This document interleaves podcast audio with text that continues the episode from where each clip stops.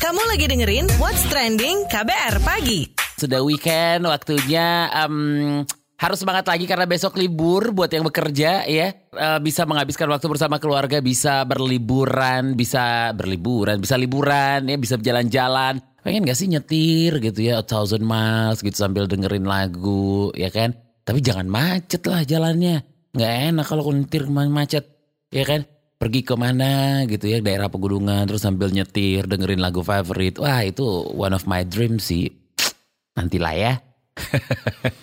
Oke, kita kerja dulu. Kita ngobrol-ngobrol dulu di KBR pagi.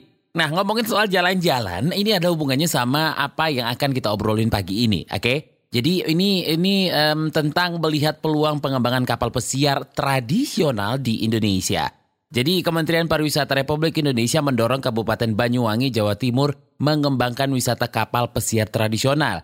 Peneliti utama pariwisata dari Kementerian Pariwisata Republik Indonesia, ya Robi Ardi Wijaya bilang kalau Kabupaten Ujung Timur Pulau Jawa ini memiliki potensi yang sangat besar untuk mengembangkan wisata kapal pesiar tra- tradisional tersebut. Sebab Banyuwangi memiliki pelabuhan yang layak untuk mengembangkan wisata itu. Nah, peneliti utama pariwisata dari Kementerian Pariwisata nih, si eh, Bapak Robi Ardi Wijaya ini yakin kalau Wisata kapal pesiar tradisional ini dikembangkan maka akan mendongkrak kunjungan wisatawan ke Kabupaten Banyuwangi. Sebab beberapa daerah yang mulai mengembangkan wisata kapal pesiar tradisional tersebut, kunjungan wisatawannya itu em, naik secara signifikan ya. Seperti Labuan Bajo eh, di Nusa Tenggara Timur, terus juga Pangkalan Bun Kalimantan Tengah. Dan eh, kapal pesiar tradisional ini merupakan kapal tradisional yang dimodifikasi untuk pariwisata. Tidak hanya sebagai alat transportasi, wisatawan juga dapat melakukan aktivitas di kapal tersebut untuk mendapatkan pengalaman wisata yang berbeda. Nah, ya. Jadi di kapal itu kita bisa melakukan aktivitas apa pun seperti memasak, tidur, terus juga dinner, ya. Atau sekedar uh, kumpul-kumpul sama teman-teman, sama keluarga. Semuanya dilakukan di atas kapal itu. Nah, ini juga keren banget. Em, seperti yang sudah dikatakan tadi, ini sudah dikembangkan di beberapa wilayah di Indonesia seperti Labuan Bajo, Nusa Tenggara Timur, dan Pangkalan Bun, Kalimantan Tengah. Nah, seperti apa nanti rencana yang akan juga dipakai, ya dilakukan di Banyuwangi ini, kita akan ngobrol dengan peneliti utama pariwisata dari Kementerian Pariwisata Republik Indonesia, Robi Ardi Wijaya, dan juga Association of the Indonesian Tours and Travel Agency atau ASITA. Kita akan ngobrol bareng mereka berdua nanti di KBR Pagi, di What's Trending KBR Pagi. Kamu lagi dengerin What's Trending KBR Pagi. What's Trending KBR Pagi. Kita masih ngobrolin soal melihat peluang pengembangan kapal pesiar tradisional. Jadi peneliti utama pariwisata dari Kementerian Pariwisata Republik Indonesia, Robi Ardi Wijaya menganggap em, salah satu pelabuhan yang berpotensi pengembangan wisata kapal pesiar tradisional yaitu Pelabuhan Muncar Banyuwangi. Karena Pelabuhan Muncar memiliki banyak kapal nelayan yang eh, berkuruan besar sehingga tinggal memodifikasi fasilitas di dalamnya. Selain itu, Pelabuhan Muncar juga memiliki pemandangan yang menarik seperti hutan mangrove, kampung nelayan, dan pelabuhan tradisional. Lebih lanjut kita akan bincangkan bersama peneliti utama pariwisata dari Kementerian Pariwisata Republik Indonesia, Robi Ardi Wijaya. Pak Robi, seperti apa potensi pengembangan kapal pesiar tradisional di Banyuwangi? Apa juga yang dibutuhkan untuk mengembangkannya nih Pak? Banyuwangi potensinya udah ada semuanya dari mulai kapal, kemudian atraksi. Mungkin yang perlu dibenahi sedikit adalah masalah kebijakan, kebijakan yang terpadu ya. Karena ini masalah masalah lahan, kemudian masalah jalur, kemudian masalah kapal, kemudian masalah SDM. Jadi kebijakan yang perlu dibenahi, kemudian komitmen dari stakeholder, terutama barangkali komunitas-komunitas yang sudah terbangun dengan baik gitu ya. Ada Pokdaris, ada kelompok pengawas konservasi, itu bisa gabung, bisa konsorsium, atau bisa berkomitmen untuk mengembangkan satu inovasi yang namanya kapal pesiar tradisional. Nah, sudah adakah di Indonesia kapal uh, pesiar tradisional ini, Pak? Jadi kita menggunakan kapal nelayan. Contohnya masih misalnya seperti kapal yang ada di Muncar. Itu udah potensi sekali dan ornamennya tuh udah pasti akan menarik wisatawan. Nah, di daerah lain yang dikembangkan sebetulnya udah banyak seperti di Sulawesi Selatan, Makassar, kemudian di Labuan Bajo, kemudian daerah-daerah kepulauan yang rata-rata pesisirnya cukup banyak itu mereka mengembangkan kapal pesiar tradisional. Saya langsung kasih contoh di Banyuwangi adalah kapal nelayan yang ada di Muncar. Kalau nggak salah disebut kresek atau plesek apa, plek kresek gitu ya. Itu kayak gitu.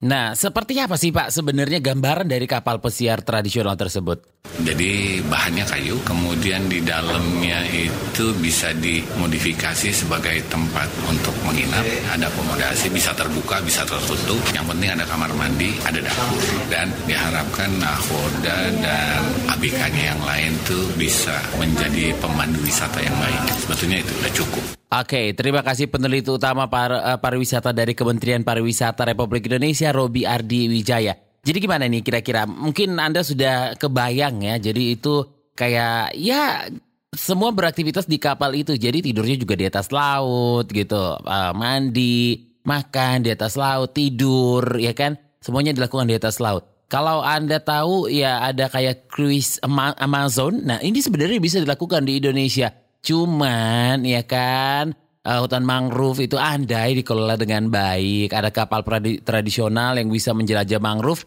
itu bakal keren banget sih kayak cruise Amazon. Kamu lagi dengerin What's Trending KBR Pagi.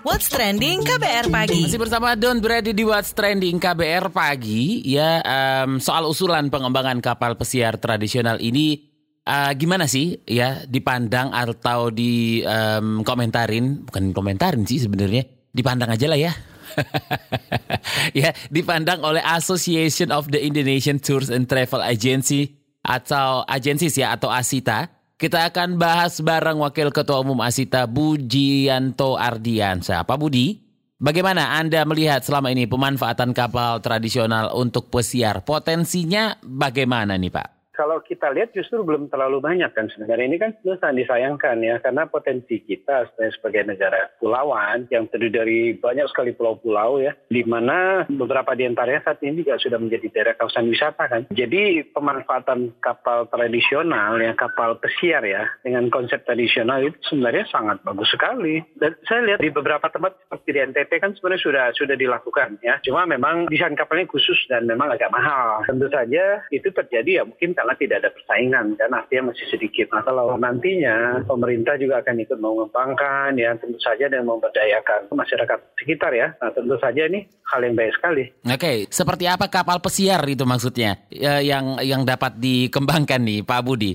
Uh, pertama tentu saja tergantung rutenya ya. Jadi rutenya itu kira-kira berapa jauh ya eh, dan kondisi perairannya ya. Apakah memerlukan kapal yang besar atau cukup kapal yang kecil. Kalau memang ada kapal-kapal yang sudah existing dan tidak terpakai kemudian bisa disulap menjadi kapal pesiar itu juga nggak apa-apa. Yang penting kan bahwa pertama dari segi keamanan ya nomor satu itu memenuhi standar. Kemudian kenyamanan buat para pemakainya gitu. Nah kalau rute-rutenya juga tidak terlalu jauh kan sebenarnya tidak perlu kapal yang terlalu besar kan. Makanya saya tadi tergantung rutenya juga. Kalau cakupan pesiarnya itu tidak terlalu jauh ya tentu saja kapal-kapal yang biasa yang kemudian disulap itu juga sudah memenuhi standar lah menurut saya. Nah bakal dongkrak pariwisata Indonesia kah? Iya, iya. Karena itu satu dari menjadi satu daya tarik pariwisata juga. Ya. Oke, rekomendasi bagaimana uh, pengembangan ke depannya nih Pak? Pertama, kita harus lihat di kawasan mana ya kapal pesiar itu dioperasikan. Nah, tentu saja disesuaikan dengan kebutuhan di sana ya. Misalnya dari kapasitas berapa besar dan sebagainya. Nah, tapi secara umum tentu saja kita harus yang namanya tradisional ya. Jadi supaya ada nuansa Indonesia-nya itu harus ada. Jadi jangan terlalu modern. Terlalu modern malah menurut saya kurang ini ya. Jadi biasa ya kesannya ya. Terlalu modern enggak malah kita kalah bersaing dengan kapal pesiar yang besar yang memang sudah modern ya. Nah, kemudian di situ harus ada kuliner lokal. Kemudian harus ada pas yang memang ya staf kapal, awak kapal yang yang yang well trained ya. Jadi jangan mentang-mentang kita bicara lokal, jadi juga biasa-biasa saja gitu loh. Kita boleh merekrut misalnya penduduk lokal ya, tapi tentu saja itu semua harus di train gitu loh. Jadi nggak nggak asal gitu loh. Jadi semua wisatawan yang yang katakanlah berlayar itu mereka nggak sewa ya. Kapal boleh lokal tapi standarnya standar pelayanan sudah internasional. Kemudian tentu saja keamanan ya, keamanan secara internasional itu harus harus dipenuhi. Baik, terima kasih Wakil Ketua Umum ASITA, Association of the Indonesian Tours and Travel Agencies atau ASITA, Budianto Ardiansyah. Abis ini kita akan dengerin apa kata Miss KBR soal kapal pesiar tradisional. Jangan ke mana-mana. Kamu lagi dengerin What's Trending KBR Pagi. What's Trending KBR Pagi. Penasaran sama komentar Miss KBR? Ini dia Miss KBR. Akhir pekan telah tiba, tapi gajian masih jauh, entah di mana. Secara masih tengah bulan ya, Wak. Jadi ya udahlah ya Miss KBR mah bikin rencana aja dulu. Ini bukan perkara tiada duit sih, cuman perkara waktu aja. Tiada memungkinkan untuk rehat alias melarikan diri sejenak liburan lepas dari riwahnya Jakarta. Eh, Miss KBR tuh lagi pengen ya belajar tari gandrung biar lebih banyak gitu yang menggandrungi Miss KBR. Pada tahu kan itu tarian dari mana? Kalau nggak tahu ya ampun, kebangetan deh Anda. Katanya cinta Indonesia Raya lah kok asal tarian itu dari mana aja nggak tahu. Uh, palsu deh ye. Banyak orang palsu tahu di negara ini. Katanya cinta Indonesia. Dari sejarah budaya termasuk tarian tradisionalnya. Kok nggak tahu? Ya emang sih nggak semua muanya kudu paham. Tapi itu kan tari gandrung udah kesohor loh ya. FYI itu tarian asal dari Banyuwangi. Ujung timur Pulau Jawa, seberangnya Bali. Eh, BTW ke Banyuwangi yuk naik kapal pesiar bareng Miss KBR biar berasa kayak Jack and Rose di film Titanic gitu deh. Uh, romantis kan? Itu kabarnya kan ya Kementerian Pariwisata lagi mendorong pemerintah di sono, Banyuwangi maksudnya, untuk mengembangkan wisata kapal pesiar tradisional. Kan banyak tuh kapal nelayan yang gede-gede, tinggal dimodifikasi aja jeroannya, ya kan dipercantik, dibikin nyaman, fasilitas dibikin oke, biar enak kan kita. Ya kayak itulah kapal-kapal di Labuan Bajo itu.